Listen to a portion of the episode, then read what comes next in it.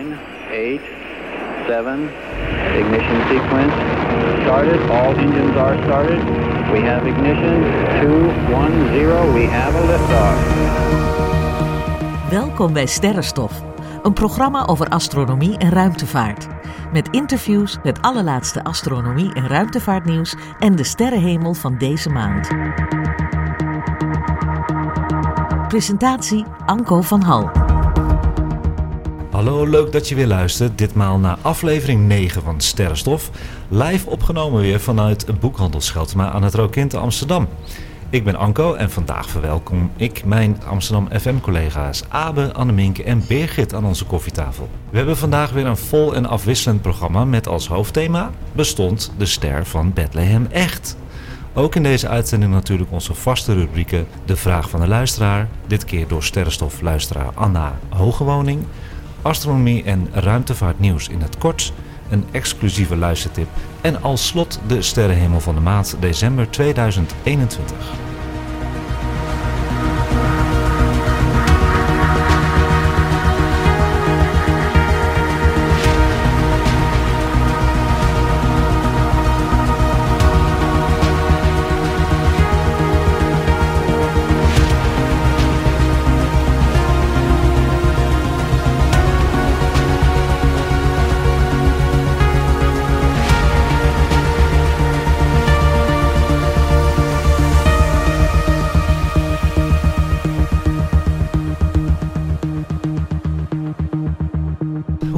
Jullie? Goed. Goed. Nou, volle tafel hè? Ja, met volle bak. en koffie erbij. We hebben dus eh Abe, Anne, Minke en Birgit. Joe. Wat leuk, Anne Minke er ook weer eens bij. Ja, de laatste keer dat ik eh, aan zat, eh, zaten we nog in Felix Meritus Klopt. in de Sterrenzaal. Ja, in de sterrenzaal. God, dat is lang geleden. Dat is echt lang geleden. Ja, nu bij Schiltema. En het is een beetje druk af en toe, want de feestdagen eh, die komen eraan, of Ja. die zijn er. Birgit, jij bent altijd degene eigenlijk die het meest de sterrenhemel van de maand nog een beetje bekijkt. Hè? Ja, Is jou nog wat opgevallen in, de, in november? Ehm, nou, ik moet je eerlijk bekennen, de dag eh, 17 november was het, dat het de sterrenhemel, eh, was het heel helder. Dat was Ja. dus echt top. Ja. Ik ben toen niet helemaal naar buiten gegaan, maar ik heb wel echt gekeken. En afgelopen zondag, ik weet even niet welke datum het was, toen was het ook heel mooi. Toen kon je dus alle sterrenbeelden heel goed zien. Oh, wat goed. Ja, in ieder geval, het is niet mijn grootste talent, maar het viel me gewoon op dat je dat heel goed en helder kon zien. Er waren twee heldere nachten. Is het nou zo, omdat je hier aan tafel steeds eh, schuift, dat je ook wat meer bewust bent eh, om naar boven te kijken af en toe? Ik deed het altijd wel een beetje, maar nu Ja. met de datums die je zo, met de kalender die je Toch wel geeft, een dan, beetje. Ja, dat zet me wel een beetje meer. eh, Heb je vallende ster gezien of niet? Nee, deze maand Nee, ik ook niet. Nee. Nee, ik heb het geprobeerd. Hè. Dat waren de Leoniden. Het was ontzettend bewolkt steeds. En als er een gaatje was, was het gewoon niet te zien. Nee. Dus het is een, eh, een, een slechte nacht geweest voor de vallende ster. Een slechte maand.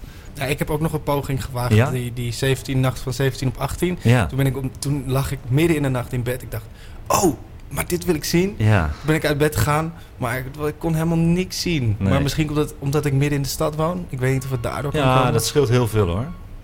Ja, ik Mooi vind zo. het altijd heel erg lastig, want ik, ik was eh, maand, nee, zondag was ik eh, in Lunteren, in Mhm. het bos. En aan het eind van de middag werd het natuurlijk alweer eh donker.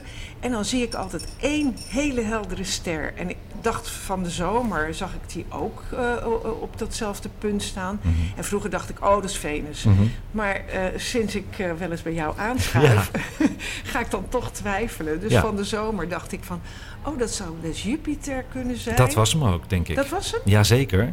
Die staat al de hele zomer en nu ook nog steeds hoog aan de hemel eh, te schijnen. Venus staat ook heel veel te schijnen, maar heel laag aan de hemel. Oké. En als jij in het bos zit, dan kun je niet heel laag kijken. Dus Nee. ik weet bijna zeker dat het Jupiter is. Oh, wat leuk. Ja. Dan had ik, eh, had ik het toch goed eh Ja. Leuk, hè? Ja, heel Nou, leuk. kijk aan. Ik leer jullie nog eens wat. Als een echte eh, Ja, ik meester. zit hier niet Ja. voor niks natuurlijk, hè? Nee. nou, de feestdagen komen eraan dus. En het leek mij heel toepasselijk om een uitzending te maken over de kerst. En dat kan hoor. Dat kan. Super. Terrorstof kan een kerstuitzending maken. Tuurlijk. En eh, het hoofdonderwerp wat ik al gezegd heb in de introductie is... heeft de ster van Bethlehem echt bestaan? Als je dat googelt, komt er echt het volgende bovenaan te staan al bij Google.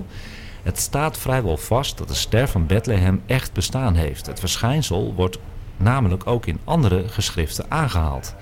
Zelfs Chinese astronomen maken er rondom het begin van de jaartelling melding van. Volgens astronomen zijn er meerdere verklaringen voor de ster te bedenken. Dus dat geeft hoop. Ja, ik Dat- vind het ook echt een goede vraag. Ja, Ja. Maar, maar wat voor verklaringen zijn er dan? Ja, er zijn er veel. Het blijft natuurlijk een uitdaging voor astronomen om uit te vinden of die ster van Bethlehem wel echt heeft bestaan of niet. Want we weten dat er aan de hemel behoorlijk wat opvallende verschijningen kunnen voorkomen. Hè? Dat weten we nu wel. Was de ster van Bethlehem dan, dan toevallig ook een doodgewoon astronomisch verschijnsel? Dat is moeilijk, want we weten eigenlijk niet precies wanneer Jezus Christus is geboren.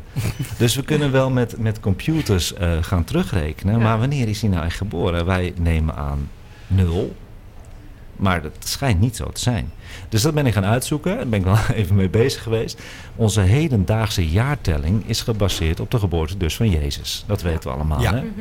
Nou, het systeem van onze jaartelling werd in het jaar 525 ontworpen door monnik Dionysius Exiguus. Mag je vergeten. Hij stelde vast dat Jezus op 25 december in het jaar 1 werd geboren. Dus daar ga je al. Iemand anders heeft dat gewoon vastgesteld. Ja. Nou goed, deze berekeningen bleken achteraf toch niet te kloppen. In het evangelie van Matthäus wordt namelijk gesteld dat Jezus geboren was of werd toen de Joodse vazalkoning van de Romeinen, Herodes I, in Judea aan de macht was. Dat kan ik mij ook een beetje herinneren van mijn Bijbelverhalen op school. Herodes stierf echter in het jaar 4 voor Christus. Oh, Dus het geboortejaar van Jezus ligt hierdoor waarschijnlijk even voor het jaar 4 voor Christus. Oké. Dus wat zijn ze gaan doen? Alle rare eh, hemelverschijnselen en opvallende hemelverschijnselen in geschriften rond het jaar 0, dus iets erboven en iets eronder gaan eh, bekijken. Mogelijkheid 1 kan zijn dat het een komeet was. Mm. Ja. Waarom? Nou, de komeet Halley, die het laatst hier in 1986 te zien was en een omlooptijd heeft van 76 jaar, was zichtbaar in 12 voor Christus. En een ander object, mogelijk een komeet of een nova, werd gezien door Chinese en Koreaanse sterrenkijkers in ongeveer 5 voor Christus. Dit object werd meer dan 70 dagen geobserveerd. Dat is heel lang. oh dat, ja, een komeet, dan denk je van nou die schiet voorbij en dan is hij weg. Nou, een komeet schiet sowieso, dat denken heel veel mensen. Het is goed dat je dat zegt. Die schiet eigenlijk nooit voorbij. Een komeet staat net zoals een hemellichaam gewoon vast aan de hemel. Oké. Alleen een komeet heeft een omlooptijd om de zon heen, net zoals een eh, planeet en een maan. Dus hij is maar tijdelijk te zien, want de omlooptijd is meestal een ellips die heel ver weg is. Dus een komeet is tijdelijk met een staart, maar hij schiet nooit weg als een meteoor. Hij blijft gewoon zo met die staart staan en gaat onder, net zoals de planeet en de maan. Dus dan weten we dat al. Ah. Deze heeft dat 70 dagen gehad. Dat is al heel opvallend. Oude schrijvers beschreven kometen als hangend boven specifieke steden. Net zoals de ster van Bethlehem zou hebben gestaan op de plaats waar Jezus was in de stad Bethlehem. Dit wordt echter over het algemeen als onwaarschijnlijk beschouwd, aangezien kometen in de oudheid over het algemeen als slechte voortekenen werden gezien. De verklaring van de komeet is onlangs gepromoot door Colin Nicol. Zijn theorie betreft een hypothetische komeet die in het jaar 6 voor Christus had kunnen verschijnen. Dus dan heb je al een paar hemelverschijnselen die kometen zijn die rond de geboorte tussen aanhalingstekens van Jezus eh, zijn geweest. Had gekund. Maar ik weet, ik weet niet of dit... Een, maar wist men toen ook al van het bestaan van eventueel kometen? Of had het een andere naam, maar... Dus dat niet. Het was... Nee, en dan ga je al, dan, dan, dan, dan krijg je natuurlijk al zoiets in geschriften van de ster, de grote ster. Ja, bedoel, eh, Ja. Ze weten niet beter dat het een ster is, toch? Dan? Ja. Met een staart. Met een staart. Ja. Die dan misschien ook ergens naartoe wijst. Of Ja, niet? wat ik wel opvallend vind dan ook, hè, eh, als je die mooie platen ziet hè, van eh, het stalletje van Bethlehem met die sterren boven, dan zie je die staart eigenlijk altijd naar beneden schijnen. Hè? Ja. En een komeet heeft nooit de staart naar beneden, die heeft natuurlijk omhoog, omdat die van de zon afgaat, die staart. Oké, ja. dat Dus- wist ja, ik niet eens. ja. Dat is natuurlijk al een beetje risky. Ja. Maar ja, Maar ja, als dat 5 voor Christus zou zijn, dus eh, in het jaar min 5, dan Ja. zitten wij nu dus gewoon eigenlijk in 2026. ja dat, dat, zou, kijk, maar dat is de moeilijkheid van, Ja. van deze theorieën. Waarschijnlijk heeft die, die kerstster, om het even zo te zeggen, wel gewoon bestaan. Maar welke theorie is waar? Maar je beschrijft ook best wel veel verschillende Mogelijkheden. Ja, mogelijkheden die ook niet Ja. echt op elkaar, ja, wel een beetje eh, op elkaar lijken, maar Hmm. ook weer ontzettend verschillend zijn. Dus ja, dat is ook wel zeker. weer lastig. En dit is dan de hypothese van de komeet. Maar er is ook een mogelijkheid, dat is mogelijkheid 2, dat het een supernova is geweest. ja, dat is er net ook aan te denken, ja. De supernova's bijvoorbeeld. Nou, het idee dat de magiërs, dat zijn de drie wijzen, hè, een nova of een supernova-explosie zagen, werd gesuggereerd door de 17e eeuwse astronoom Johannes Kepler. En heeft sindsdien veel aanhangers gehad. Er is echter geen westers verslag van een dergelijke gebeurtenis. Een nova werd overigens in 4 voor Christus in China geregistreerd. Maar dit kan dus ook makkelijk weer die komeet zijn geweest.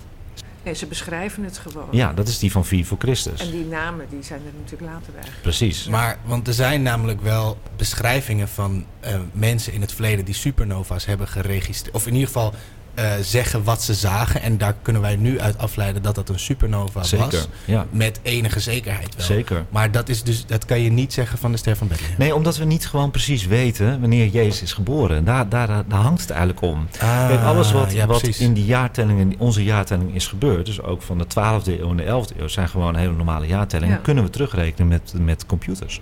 Maar, eh, ja, misschien een hele domme vraag. Mm. Maar wat is het verschil tussen een komeet en een supernova?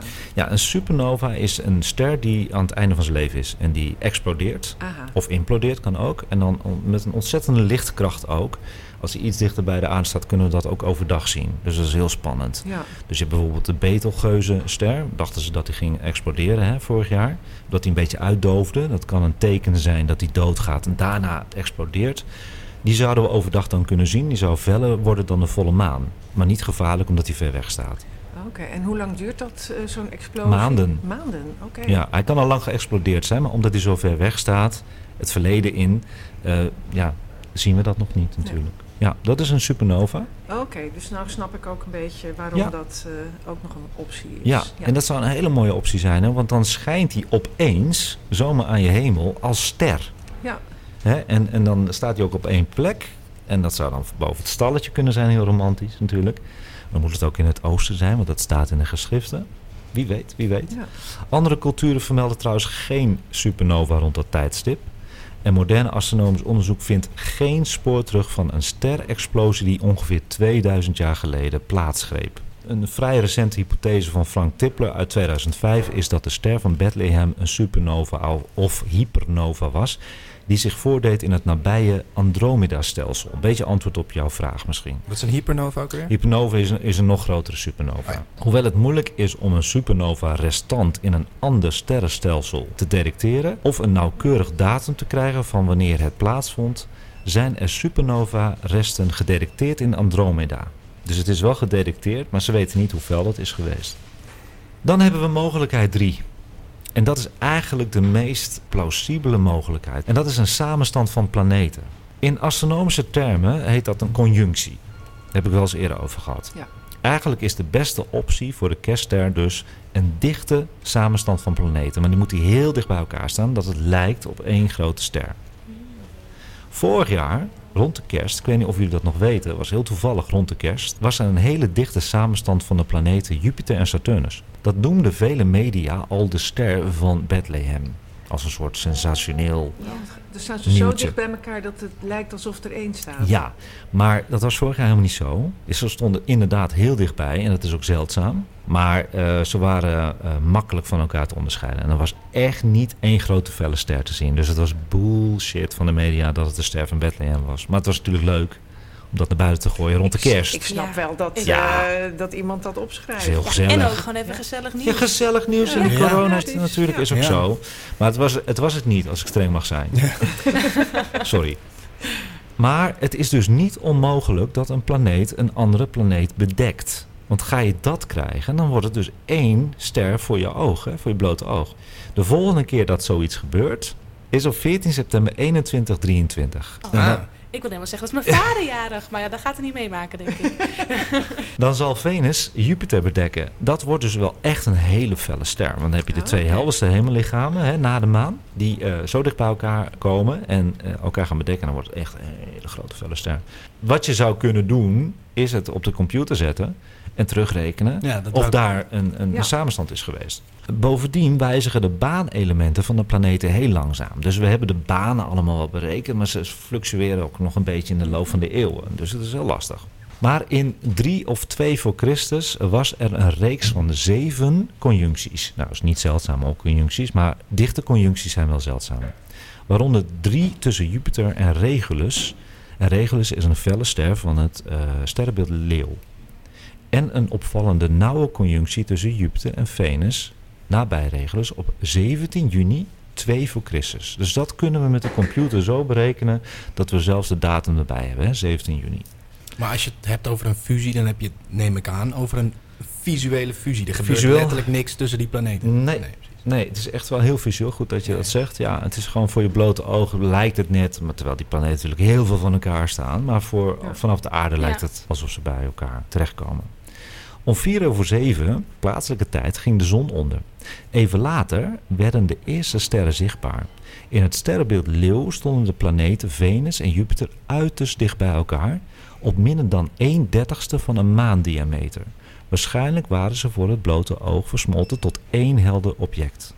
Om zes over tien verdween het duo boven de westelijke horizon. Bijbeldeskundigen vinden in het Oude Testament verwijzingen naar deze ster. En die kan ik even quoten, want dan wordt het een beetje Ja. echt hè, voor de luisteraar Ja, ook. Daarin staat: De welp van een leeuw is Juda.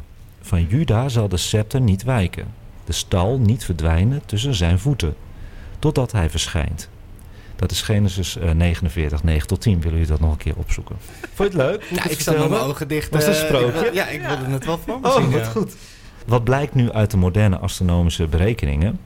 De samenstand Venus-Jupiter van 2 voor Christus gebeurde onderaan het sterrenbeeld Leeuw tussen de poten van het beest. En dat is gewoon letterlijk beschreven in de Bijbel, in ja. Genesis. Maar, dan gaan we weer.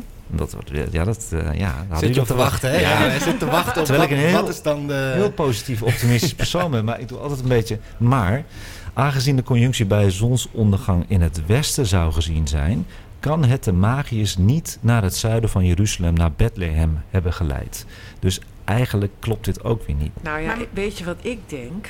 Nou? Eh, dat dit wel, eh, hè, dat dit verschijnsel er was. Ja. En dat eh, rond diezelfde tijd Jezus geboren werd. En toen hebben ze gedacht van, dan maken we er een compleet verhaal van. Ja, En eh, dan voegen we die twee samen en dan heb je gewoon een leuk spannend verhaal. het zijn de drie mogelijkheden. En eigenlijk, behalve die supernova, is een beetje lastig. Maar die andere twee zijn gewoon allemaal gebeurd, hè? Rond Ja. het Ja, jaar want- nul. Ja, want het is echt ja, ietsjes voor Christus, iets na Christus. Het is Ja. echt een tijdspan na 10, 20 jaar. Ja. Ja. En ik snap wel dat ze dan dingen aan elkaar willen koppelen. Want Ja, misschien was de ook. wetenschap ook niet zo ver ontwikkeld. Ja, dan je zoekt toch altijd een reden ergens Ja, achter. precies. precies. Nou ja, het kan ook best zijn dat het niet verzonnen is, maar eh, je geheugen eh, eh, laat je ook wel eens in de steek. En soms herinner je je dingen totaal anders dan ze gebeurd Ja. zijn. En eh, ja, ik- dat kan natuurlijk ook. Dat Precies. het gewoon een vertroebeling is geweest. En ja, waar toch wel een heel mooi verhaal uit eh, tevoorschijn is Nou, ik, vind het ook, gekomen. ik vond het ook wel heel leuk om uit te zoeken. Ja. Ja, dat geloof ik wel, ja. Zeker. Ja, het, het heeft iets romantisch. Dus hebben we nu een antwoord? Ja en nee. Eh, hoewel al deze hemel-events echt gebeurd zijn en uitgezocht zijn door middel van complexe computerberekeningen, moeten we toch rekening houden met het feit dat de jaartellingen gewoon niet kloppen. En zolang wij niet precies weten wanneer Jezus Christus is geboren, kunnen we uiteraard ook niet exact terugrekenen. En van deze drie opties, welke hoop jij dat waar is? Ja, het mooiste is die supernova. Dat zou Want die- echt zo romantisch Want de supernova is een nieuwe ster. hè. De supernova is een vertaling, is nieuwe ster. Dus dat is het meest mooie voor de Bethlehemster. Ja, Een nieuwe ster. een nieuwe ster. Een nieuwe geboorte. Ik denk dat, toch dat het conjunctie is geweest. Dat denk jij. Ik denk Ja. dat eerlijk gezegd ook. Wat denk jij, Abe? Nou, ik wil dat het een supernova is, dus ik denk dat het een supernova is. Zegt hij met een gevulde koek in zijn mond. En, wat, en jij? Nou, ik denk het heel eerlijk gezegd ook. Heel saai, maar ik denk hetzelfde. Jij denkt? Een conjunctie. Conjunctie Ja. ook, ja. Ja, denk ik ook. Zo Het meest eh, plausibele, ja. We gaan naar de vraag van de luisteraar. En dat is door Anna Hogewoning. Ga ik jullie even laten horen. Vind je wel leuk, hè? Ja, Ja. zeker. Beste Anko, allereerst bedankt dat ik mijn eh, vraag mag stellen in de uitzending. Sinds ik de aflevering over de James Webb-telescoop heb geluisterd, ben ik eh, hier laaiend enthousiast over geworden. Maar ik vraag me er wel het volgende over af. Ze willen namelijk 13,8 miljard lichtjaar wegkijken en dus zover terug in de tijd en dus technisch gezien terug naar het moment van de oerknal om er hier meer over te weten te komen. En ik vind het principe heel begrijpelijk, maar de rand van het universum is toch ook niet meer hoe het begon bij de oerknal. Er is toen toch in een hele korte tijd, echt in een paar seconden, heel erg veel veranderd vanuit de singulariteit, zeg maar. En al die materie is toen toch verspreid. Hoe weten ze dan dat ze meer te weten zijn gekomen over de oerknal? En ze zullen vast alle richtingen opkijken, maar hoe weet je welke richting de juiste is? Ik hoop dat je mijn prangende vragen kunt beantwoorden. Begrijpen jullie de vraag? Wauw. Ehm, volgens mij zijn het meerdere vragen die ook allemaal wat uitleg vergen, denk ik. Zeker. Ik heb Ja, altijd... de ge- singulariteit alleen al. Denk Dat van, ga ik allemaal ehm, uitleggen. En dit is eigenlijk een van de moeilijkste vragen die ik heb gekregen. Dus bij deze Anna, want dat vond ik heel erg leuk, uiteraard als nerd, om dit uit te zoeken. Zou je misschien de vraag toch een beetje nog kunnen Ja. toelichten? Ja. De vraag van Anna is: ze willen met de James Webb-telescoop terugkijken naar de oerknal. Maar is dat niet allemaal al weg en verspreid over het heelal? En in welke richting moeten we dan opkijken? Oké, ja, ik snap hem nu beter, Ja, inderdaad. Ja. Dit is de, de beknopte versie. Dus dan moeten we eerst eens even kijken wat nou eigenlijk die oerknal is geweest. Hè? Ik vind het wel echt een goede vraag. Dat is een hele goede Ja, vraag. goed. De oerknal of Big Bang is de mm, populaire benaming van de kosmologische theorie die op basis van de algemene relativiteitstheorie aannemelijk maakt dat 13,8 miljard jaar geleden het heelal ontstond uit een enorm heet punt met een bijna oneindig grote dichtheid. En dat is de singulariteit. Ik moet het even wat langzamer vertellen, anders is het te veel. Dat is dus Dit is gewoon helder. echt een hele eh, compacte, Compacte- massa. Ja. Tegelijkertijd met de oerknal zouden de ruimte en de tijd zijn ontstaan. De theorie is onder meer gebaseerd op de waarneming van het voortdurend uitdijende heelal. Veel mensen denken bij de uitdijing van het heelal aan een beweging van sterrenstelsels van elkaar af door een bestaande lege ruimte. Maar dat is een verkeerde voorstelling van zaken. De uitdijing van het heelal is in werkelijkheid de uitdijing van de lege ruimte zelf. Snappen jullie dat? Ja. Dus de, de, de, de, de sterrenstelsels blijven op hun plek, alleen de ruimte daaromheen Exact. dijt uit. En dat moet ik gewoon vertellen, anders kunnen we niet een antwoord geven. En er is Ja. eigenlijk niet echt een antwoord voor, omdat we dingen aannemen. Kijk, en een leeg gebied rond dat vermeende explosiecentrum is er ook niet. En wat is de reden daarvoor? De oerknal was geen explosie in de ruimte, maar eerder een explosie van de ruimte. Oké. Dat is wel duidelijk, hè? Ja. Nou ja, ik denk dat het duidelijk is, maar dat het moeilijk is om voor Ja. te stellen. Ja, dat ik, is het ik vooral. vind het altijd lastig. Maar eh, we hebben het al eerder over gehad dat eh, die ruis die je zo op de radio hoort, Mhm. dat dat het geluid nog is van de oerknal. Van de Big Bang. Ja, Ja. klopt. Dus Mexicaanse hond noemen Ja. ze dat, hè? Dat is een Mexicaanse hond. Ja. Ja, Wat? Maar dan, dan, Wist je het niet?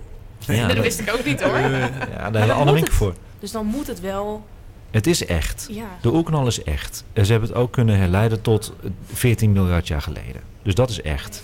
Maar alles eromheen, hoe of wat en waar de energie vandaan komt, is natuurlijk heel moeilijk voor te stellen. Dus we hebben te maken met heel veel aannames. Daarom is het antwoord voor Anna ook een aanname-antwoord. Dus dat is eigenlijk het verhaal van de oerknal. Die moest ik even uitleggen voor, voor ons en voor Anna. Om verder te kunnen gaan met haar antwoord. Nou heeft zij het over de James Webb. Hoe kijkt James Webb dus naar de oerknal?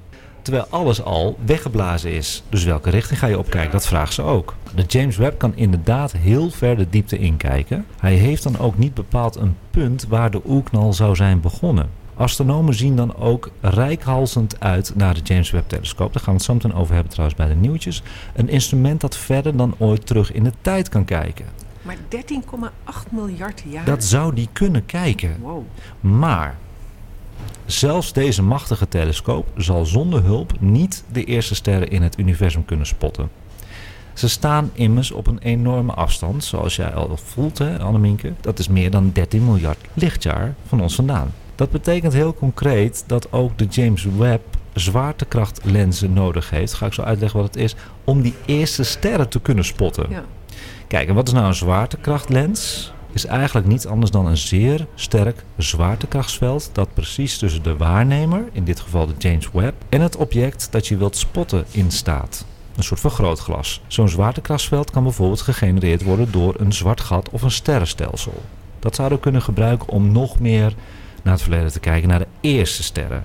Want een massa als bijvoorbeeld een zwart gat of zo, dat buigt Ja, de Of, of versterkt. Ja, ik vind het moeilijk voor te stellen, maar Ja. dat is wel bewezen. Dus een sterrenstelsel of een zwart gat zou het kunnen versterken als een zwaartekrachtsveld. En dan zou je nog dieper kunnen kijken. De James Webb kan wel kijken naar de sterren die net na de oerknal zijn gevormd. Dat is dus zo'n 400 miljoen jaar na de oerknal. Dat kan de James Webb wel. Ook een antwoord voor Ja.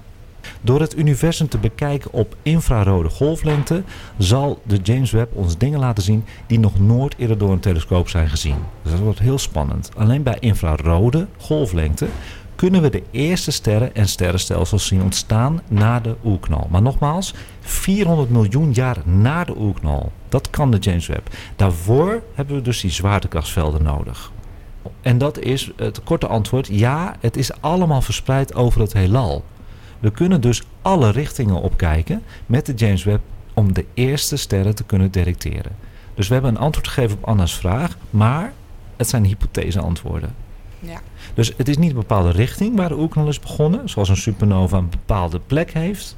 Dat is het niet. Het is geen supernova. Het is echt een oerknal. En de oerknal is nou eenmaal het begin van het heelal Ja. en is dus overal. Dus de James Webb kan overal op richten om naar het verleden te kijken. Het maakt niet uit welke kant je op Het maakt voor dit verhaal niet uit welke kant we opkijken. Is dat een beetje te behappen voor jullie, dit verhaal? Nou ja nee. Ja. Het is vooral accepteren. Ja. Ja. En proberen je hoofd eromheen te krijgen. Maar ja, dat, dat is onmogelijk. Dus ik hoop dat Anna tevreden is hiermee. Ja. Zo niet, vind ik eigenlijk ook wel weer leuk, dat ze me nog een vervolgvraag gaat stellen. Dus je weet maar nooit. Je weet maar nooit.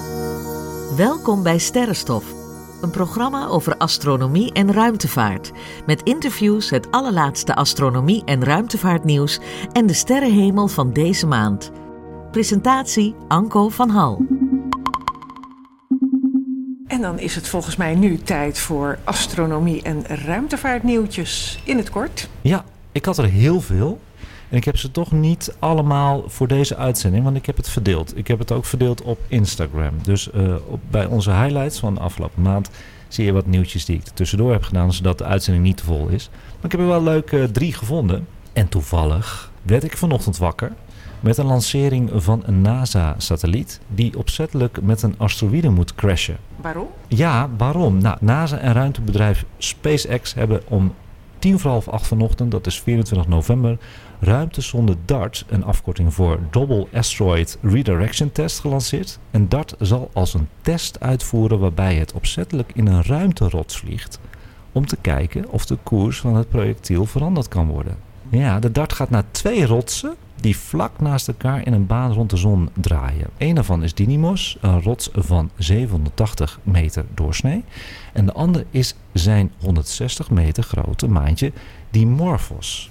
DART moet dus eind volgend jaar inslaan op Dimorphos. Bij impact heeft de zonde een snelheid van ongeveer 6 km per seconde. Dat is heel hard. Vervolgens moet blijken of Dimorphos daardoor een klein beetje uit zijn baan rond Didymos wordt geslagen. Zoiets is nog nooit geprobeerd. Dit doen we omdat het zou kunnen dat we in de toekomst natuurlijk een asteroïde naar aarde kunnen krijgen. Die al het leven op aarde gaat uitroeien, wat al eerder is gebeurd in de prehistorie. Dus dit is een test eh, om te kijken of het inderdaad mogelijk is met een eh, projectiel toch de baan iets te kunnen veranderen. Maar ik vind het toch wel mooi dat ze daarmee bezig zijn. Je weet maar nooit, toch? Nee, je weet maar nooit. Nou En ja, dat is eh, van Elon Musk, toch? SpaceX? SpaceX, ja. Ja. De bestemming is geen dreiging trouwens voor de aarde. Het stelsel is een perfecte plek om te testen of het mogelijk is de koers van een asteroïde te veranderen door er moedwillig een ruimtevaartuig op in te laten slaan, al dus de NASA. ehm, maar waarom een heel ruimtevaartuig erop in laten crashen... in plaats van er een vaartuig bijvoorbeeld naartoe te sturen... en, die, en dat ding helemaal met raketten kapot te schieten of zo. Ik zeg maar wat. Dat, waarom, waarom een heel vaartuig erin laten Nou, het is wel- vliegen? Dat is zo gigantisch. Nee, maar dat is de test. Hè? De test is wel echt dat je de baan iets wil veranderen. Kijk, als je een ruimterots in puin gaat laten schieten, heb je eigenlijk nog meer dreigementen. Dat zijn die losse rotsen. Als die allemaal uit de baan gaan en die komen hier terecht, dan heb je nog een groter probleem. Dat is het doel ook helemaal niet, om een ruimterots kapot te maken. En ik denk ook wel dat er voldoende onderzoek is gedaan naar wat zijn de mogelijkheden en wat heeft het minst effect op Ja. Of, Tuurlijk. daar moet je Ik zeg ook niet dat ik het beter weet dan, eh, dan hun. Maar Ja, en Elon Musk is helemaal vanaf de wereld. eh, die is helemaal nu de wereld aan het redden. Want daar gaan we nu ook zijn vermogen investeren in eh, hongersnood en zo. Hè? Mhm. Het Ja, zijn helemaal goede bedoelingen nu. Ja, Ja, daar is hij, eh, hij heeft een uitdaging gekregen. I love Ja. it wel. Hij gaat het wel aan. Dus, Rond de zon draaien trouwens miljarden asteroïden en kometen. Enkele tienduizenden daarvan zouden ooit een gevaar voor de aarde kunnen vormen. Maar die komen in elk geval de komende 100 jaar niet bij ons in de buurt. ik ben blij met dat we onze beschermengel Jupiter hebben. Ja, dat is een Oh, goede. ja. Ja. De James Webb telescooplancering trouwens, dat is het volgende nieuwtje, is opnieuw uitgesteld. Oh. Ik kwam er vanochtend Jammer. achter, jongens. Ja, het is allemaal Ja, heel wanneer? vers nieuws. Heel vers nieuws. Ik heb eh, vanochtend nog zitten kijken. De lancering van James Webb is opnieuw uitgesteld vanwege een incident. Moet de telescoop op mogelijke beschadigingen onderzocht worden, meldt de ruimtevaartorganisatie NASA. Een spanband waarmee de ruimtetelescoop aan de draagraket werd vastgemaakt, liet plotseling los. Dat veroorzaakte volgens NASA een trilling in het hele observatorium.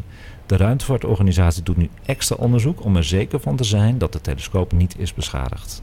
Ja, Maar we- nu is het naar, wat zei je? 22 december op zijn vroegst. 22 december. Oh, Ja. dus dat is vier dagen later. Ja, Dat kan ik wel wachten. ja.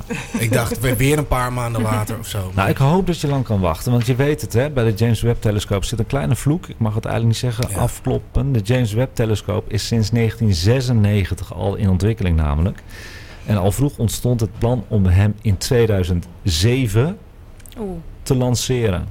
Oeh, Dus 14 dat jaar bedoel geleden. ik. Ja. Ja, maar kijk, toen was het, toen kwamen dingen in de weg als voor eh, als oorlogen en zo die, die de, eh, hoe heet het? Het vervoer van producten voor de satelliet. Maar nu, hij is basically af. Dus nu is het, ja, ik weet niet, het gaat, het gaat toch niet gebeuren dat hij, dat hij nog een jaar verschoven wordt? Dat kan me echt niet voorstellen. Hij is af. Ja, een Abe kan spanband niet is. wachten. Nee, ja. Abe kan gewoon niet wachten. Ik wilde net zeggen, ik zou niks negatiefs zeggen. Je moet gewoon sponsor worden. Want Ja. dit Ja. kaart het praktisch elke Ja, maar ik snap, aan. ik snap Abe wel. Ik kan ook niet wachten. Want dat, dat ding, hè, dat gaat dus voor, eh, een baan krijgen voorbij de maan. Dus miljoenen Ja. kilometers van ons vandaan. Om dus nergens last van te hebben. Dus niet van het licht van de aarde of van de magnetische velden niet. Om gewoon zo diep te kunnen kijken waar we het net over gehad hebben. Dat wordt, het is zelfs zo dat de James Webb, dat is het mooi, meest romantische verhaal van James Webb. Dat hij zo ver kan kijken naar exoplaneten. En zou kunnen detecteren of er industrieel leven is. Hij zou de lichtjes op de planeet van een exoplaneet kunnen bekijken. Oh. En dan wordt het nog spannender, want stel dat we dat zien, dan weten we dat er dus andere beschavingen zijn. Maar het is zo ver weg dat we daar nooit naartoe kunnen. Dus het wordt ook een hele grote frustratie. Ja. Maar ver dat je wil dat het perfect is, though. Dat is het, hè. Het is een miljardenproject. Dus hij moet perfect zijn. En daarom wordt hij zo vaak uitgesteld. Het laatste nieuwtje. En dat is het eerste Space Hotel. Die gaat in 2027 open. Jeetje, Maar wat, wat, wat moet je daar in godsnaam doen? Ja, de AOC heeft plannen aangekondigd om tegen 2027 een ruimtehotel te openen. En als eerste in zijn soort is Voyager Station een luxe resort. Dat is ontworpen om plaats te bieden aan 280 gasten en 112 bemanningsleden. Compleet. Luister goed, met restaurant, een bar, een concertzaal, een fitnessruimte en zelfs een bioscoop. Dat kan je doen. Dat is je Nou, antwoord. Nou ja, wat een verspilling. Oh ja. Is, ja. Maar kijk, als je zo gaat beginnen, is ruimtevaart altijd een verspilling natuurlijk in nou, principe. niet alles, maar... Maar ruimtetoerisme dan? Maar ruimtetoerisme vind ik echt, Ja. denk ik van, eh, los eerst hier even de problemen op voordat je daar... Ja, kennen jullie de Space Odyssey 2001? Tuurlijk. Dat is ook met een roterend wiel. En wat is het nut van een roterend wiel? Dat je kunstmatige zwaartekracht gaat creëren. Oh ja. Zodat je Oh, gewoon kan lopen. Ja. In het begin zal de zwaartekrachtniveau vergelijkbaar zijn met dat van de maan. Ongeveer is dat 1 zesde van de aarde. Dat is ongeveer anderhalve omwenteling per minuut. En ze hopen het tot Marsniveau, dat is een derde van de zwaartekracht van de aarde, te kunnen laten draaien. En uiteindelijk de zwaarte van onze thuisplaneet te kunnen repliceren. Dat is al een heel werkje. Maar dan heb ik ook zoiets, dan ga Ja. je naar de ruimte en dan heb je hetzelfde effect als de aarde. Hier komt gewoon toch een soort van strijd van stel je... Ja, je- sommige mensen die, die kijken naar het milieu en passen daar hun manieren van leven op aan, weet je wel. En als je dan, nou ja, bijvoorbeeld vliegen met vliegtuig is al impactvol. En als je dan besluit naar een hotel in de ruimte te gaan, dan ga je wel dat met ontkracht je meteen. Dus het is ook een beetje een ja. Ja. Ja. persoonlijke, hoe zeg je dat, afweging. je Tuurlijk, dan, eh, tuurlijk, is ook zo. Maar het is zo boeiend. heel boeiend. ja. ja, fair. Dat snap ik ook wel. Ik ook zeker. Dan hebben we de luistertip van de maand. En dat is een nieuwe sterrenstof extra. Ik ben met Marjolein van Heemstra van het boek In lichtjaren heeft niemand haast... ben ik aan tafel gaan zitten bij Scheltemaar voor sterrenstof extra. En we praten uiteraard dan over haar boek... en haar zoektocht naar een totaal overzicht op alles... door middel van The Attitude of an Astronaut te hebben. In het volgende fragment, die ik nu ga afspelen, vertelt ze bijvoorbeeld wat lichtvervuiling en de schaarste aan donkerte doet met de moderne mens van nu. Op het einde ga jij iets organiseren en dan had je het eigenlijk in het begin van het boek al over. Het frustreert je enorm dat het niet donker wordt. Ja. Mij ook. Zelfs op een donkere plek op Texel zie je veel te veel satellietvervuiling al. Hè? Ja, ja, ja, dat ook. Ja. Dat is al heel vervelend voor Ja. astrofotografie. Ja, Maar we zitten midden in de stad, jij en ik. Ja. En jij wil per se donkerte. ja. Waar komt dat vandaan? Nou, ik kom er eigenlijk achter gedurende het boek. Ik begon me natuurlijk verdiepen in die licht, te verdiepen in de lichtvervuiling. Omdat ik merkte van, hé, hey, als ik omhoog kijk zie ik niks. Nee. Dat wist ik altijd wel. Maar tijdens deze zoektocht kwam ik er pas achter hoe heftig die lichtvervuiling is in Nederland. Ja. Een van de lichtst vervuilde landen ter wereld. En ehm, ja, dat interesseerde me heel erg. Ik dacht van, wat betekent het eigenlijk als je als land je nacht verliest? Ja. Wat voor soort land ben je dan? Wat voor soort mentaliteit geeft dat je? Dus ten eerste heb je de hele praktische nadelen. Dus je, ons bioritme wordt verstoord. Dat geeft stress. Dat, dat eh, draagt bij aan ziektevorming. Dus we worden ongezonder van al dat elektrisch licht. Ik kwam erachter dat heel veel van dat licht niet nodig is. Dus ehm, ontzettend veel dingen staan aan s'nachts die helemaal niet aan hoeft zijn. Het is ook nog eens verspilling van energie, Ja. verspilling van geld. Ehm, en heel vaak maakt licht het niet veiliger, terwijl we dat wel denken. Maar Mhm. dat is dus emotioneel denken we dat het veilig is. Maar dat is een gevoel. Maar praktisch blijkt dat als je dingen verlicht waar niemand is, dat het onveiliger wordt. En heel veel licht is op plekken waar niemand komt. Ja. En, ehm, en dan zijn er de dieren die er ontzettend veel last van hebben. Ja. En dan is er ook nog dus dat culturele verlies van... Vroeger waren wij eigenlijk ja, deels eh, dag- en deels nachtdieren. Er is ook onderzoek gedaan naar hoe we sliepen. En dat we een deel, zeker hier in deze contraien... waar de nachten soms heel lang zijn... dat we een deel van de nacht gewoon wakker waren... om nachtactiviteiten te doen, zeg maar. ja. En dat hebben we allemaal verloren. Dus we hebben ook een heel, ja, gewoon een heel donker deel van ons leven is weg. En onze slaap is heel kort geworden. Ja. En, En- geen sterrenhemel meer waar we naar kunnen kijken. Dus dat geen bewustzijn. uitzicht Nee. op dat allergrootste. Nou, dus ik denk dat al die dingen samen, dat je dus als land zonder uitzicht in de nacht, ben je eigenlijk ook een beetje een klein. Nou, de kans bestaat dat je een beetje een bekrompen blik krijgt. Nou, de kans, het is zo. ja, ik wil niet te hard zijn Nee, voor mag mijn best, hoor. Nederlanders. Maar Kan mij niks meer schelen. ik, ben ook, ik schrik echt van hoe weinig Nederlanders hierover weten. Ja, heel weinig. Maar- En oogkleppen is het echt. Totaal. En Vreselijk. Nederlanders denken altijd dat wij alles hier zo goed geregeld hebben. Maar er komen ook andere onderwerpen aan bod. We horen wat Marjoleins visie is op de UFO-aanwezigheid op aarde. Bevestigd dit jaar door het Pentagon. En haar mening over de ruimtevaart adel zoals Jeff Bezos en Elon Musk. Kijk, dat wil ik ook wel weten, wat Ja. zij daarvan vindt. Ja. Ja. Het gehele inspirerende en vooral gezellige interview met Marjolein is vanaf nu te beluisteren via onze Sterrenstof Spotify en Amsterdam FM podcast platform op Spotify, iTunes en Soundcloud. Marjolein is trouwens ook theatermaker en staat momenteel in het theater met haar voorstelling over de Voyager 1 en 2, die in de jaren 70 zijn gelanceerd en nu al ver buiten ons zonnestelsel vertoeven. Ik ben vorige week trouwens even geweest naar haar eh, voorstelling en echt eh, serieus, en het is geen geslijm, het is de moeite waard, want ze heeft ook nog een live orkest bij. Oh, wat leuk. Ja. Ja. Hartstikke leuk. Ja, Even naar de website marjolein.heemstra.nl. Goeie tip. Ja. Hey Anko, Ja, eh, gaat er komende maand nog wat te zien zijn in de lucht? wat denk jij? Eh, ik denk het wel. Yay! In december. De laatste maand van eh, 2021. Ja, december. ik vind december toch altijd wel een beetje een romantische maand op een of andere manier. En eh, de sterrenhemel wordt wat, wat gelukkig wat eh, schoner. Want eh, november was echt een drama. Ik heb ge- geloof ik maar twee nachten gehad dat ik naar buiten kon kijken. Ja. Ik heb alleen maar bewolking gehad.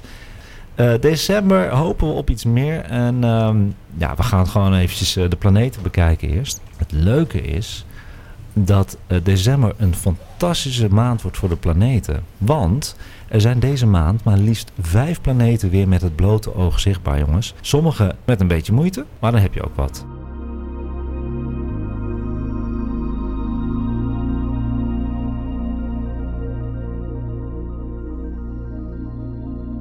Bijna de hele maand staan er drie planeten aan de zuidwestelijke avondhemel.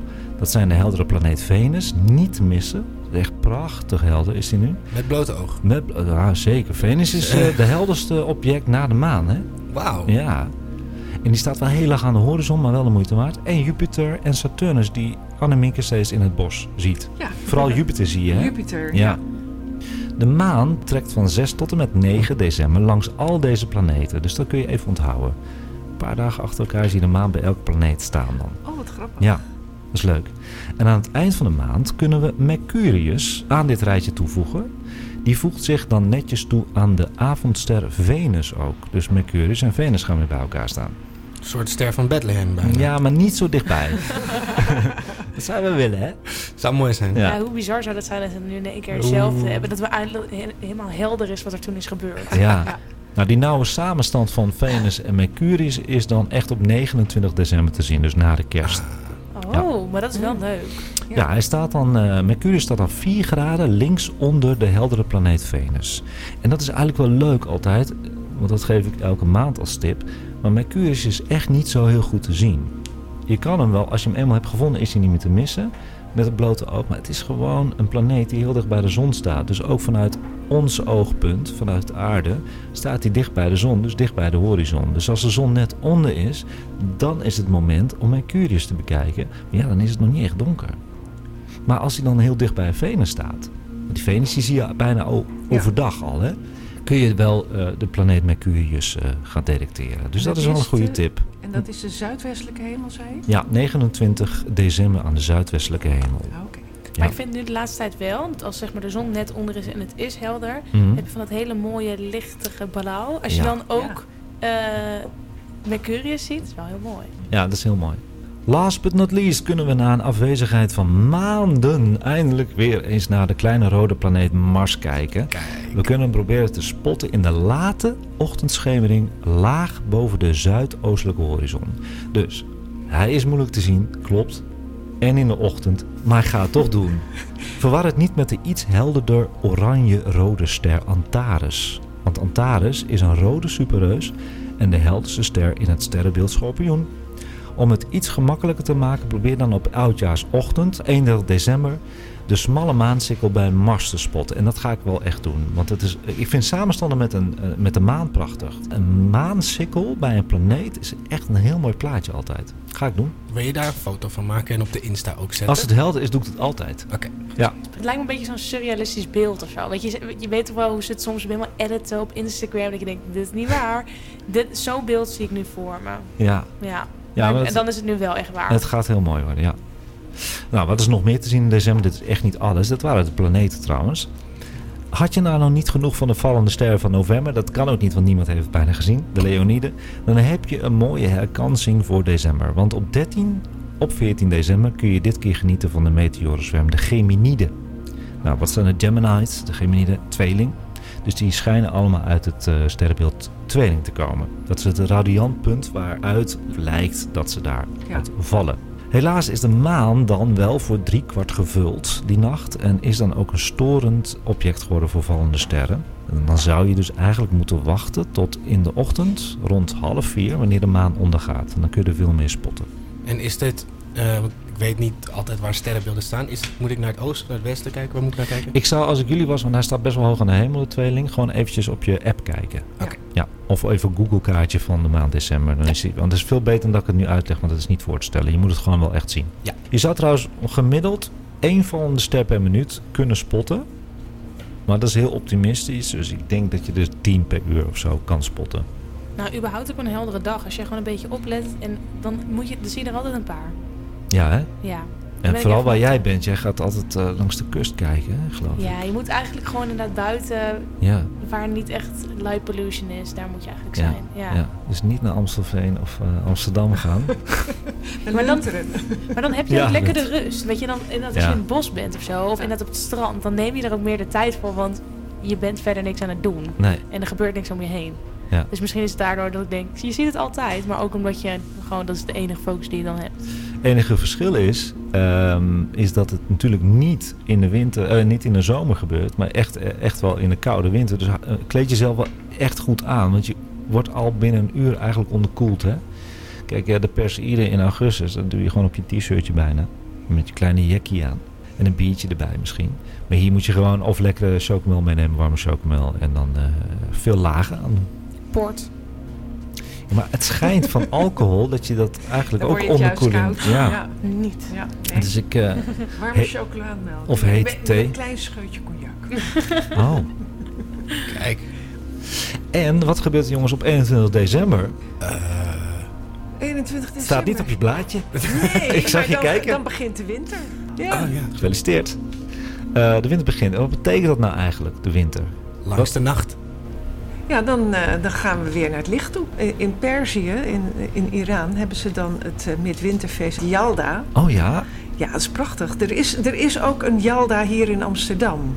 Oh. Op 21 december in het eh, podium Mozaïek. Leuke tip. Ja. Echt heel erg leuk. Ja. En dat is de langste nacht. En dan blijft iedereen op. Want dan eh, zeggen ze, ja, dan komen er enge geesten allemaal. En dan houdt iedereen elkaar wakker. Ja. Met eten, met verhalen, met gedichten. Ja. En, eh, Wat en dan leuk. heb je in Gezellig. Podium Mozaïek heb je dan een, een hele lange avond.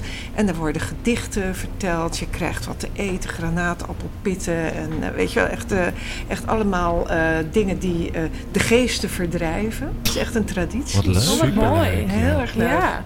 Stichting Grenade eh, in Amsterdam. Oh, dit vind ik een hele leuke tip. Ja, leuke tip Ja. hoor.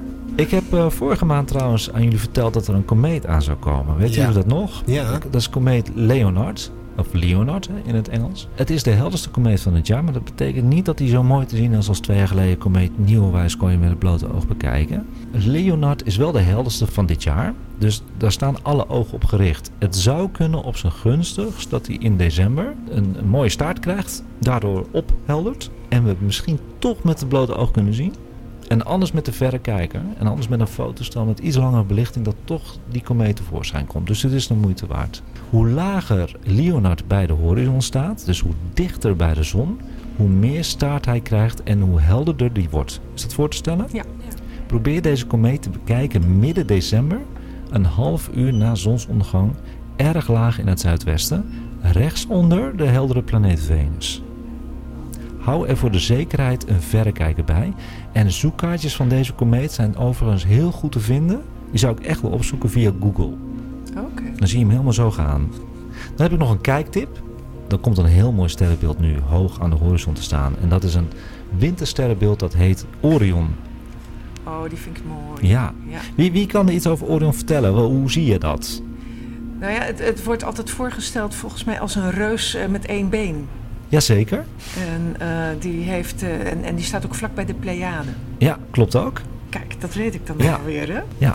Nee, er zijn heel veel eh, eh, verhalen over eh, de band tussen Orion en de Pleiaden. Ja, klopt ja. Ja. Want in de Griekse mythologie was Orion een jager die de Pleiaden achtervolgde. Het is trouwens gemakkelijk te herkennen. Hè? Het bovenste sterretje, eigenlijk zijn dat een paar kleine sterretjes, is het hoofd. Betelgeuze, dat betekent schouder. En Bellatrix vormen de twee schouders. En dan heb je de drie sterren in het midden. En die zijn het meest opvallende, zo naast elkaar. Dat is de riem. Vormen de gordel van Orion. En zijn ook voor mensen die niet weten dat dit een onderdeel van Orion is, een opvallend verschijnsel aan de hemel. En als het heel helder weer is, dat is helemaal leuk bij Orion, kun je het zwaard ook nog aan de gordel zien hangen. In dat zwaard is er een vaag vlekje te zien en dat heet de Orionnevel. Als je de Orionnevel gaat googlen, dan zie je echt een soort krabachtige structuur. Dat is de Orionnevel. Een opvallend feitje trouwens, dat is wel interessant. Met de ogen op de hemel gericht hebben de bouwers van de piramides van Gizeh met uiterste precisie de gordel van Orion nagemaakt in het Egyptische woestijnzand. Uit oude religieuze geschriften blijkt dat de oude Egyptenaren geloofden dat hun goden zijn neergedaald uit de gordel van Orion. We zullen misschien nooit weten hoe de grote piramides met zulke precisie zijn uitgelijnd. We weten dat de architecten en bouwers eenvoudige hulpmiddelen hadden. Dat is wat ons eigenlijk het meest verbaast. En die piramides staan precies in die lijn van Ja. de gordel Ja. van Orion. Dat is echt ziek. Het is bizar. Ja. Ja, in Zuid-Amerika bij Indianenstammen hebben ze ook echt huizen eh, gebouwd. Van die longhouses waar dan zo'n heel dorp in woont. Ja. Familie. Ja. En die zijn ook helemaal op de sterrenbeelden Echt? zoals zij die kennen gebouwd. En je snapt niet hoe het gebeurd is, maar Nee. het, het, het klopt echt op de millimeter. Ja, dat is met dit ook zo. Ja. Ja. Ja, maar Dus- vroeger was dat natuurlijk echt het houvast. Ja, Want Ja. dat is ook wat je hoort over de Maori-cultuur. Die- Het zijn natuurlijk reizigers die gaan van eiland naar eiland. En Mhm. hun houvast was ook de sterren. ja En dat geldt natuurlijk voor heel veel culturen. zeker. Ze hadden niets anders. Ja, Het was eigenlijk de klok voor hun, hè? ja. Ja. Ja, de oogst eh, ging ook helemaal volgens de stand van de sterren. Dus eh, de moeite waard om de Orion nog eens eventjes op te zoeken in de winter.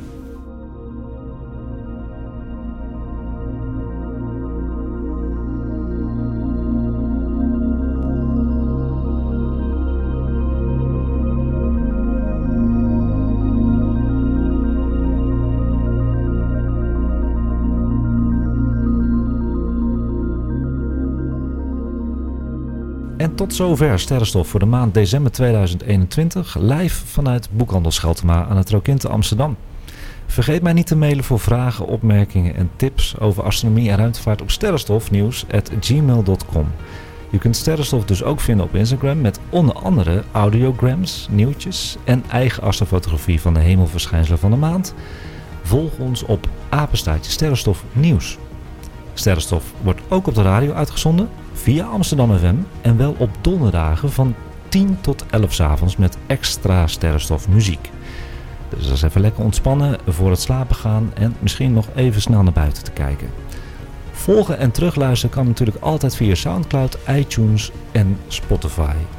Iedereen bedankt voor het luisteren en ook natuurlijk weer enorm bedankt Birgit, Anneminke en Abe voor de medewerking. Graag gedaan. No worries en veel plezier op vakantie. Dankjewel. Ja. Tot de volgende keer en kijk eens wat vaker omhoog.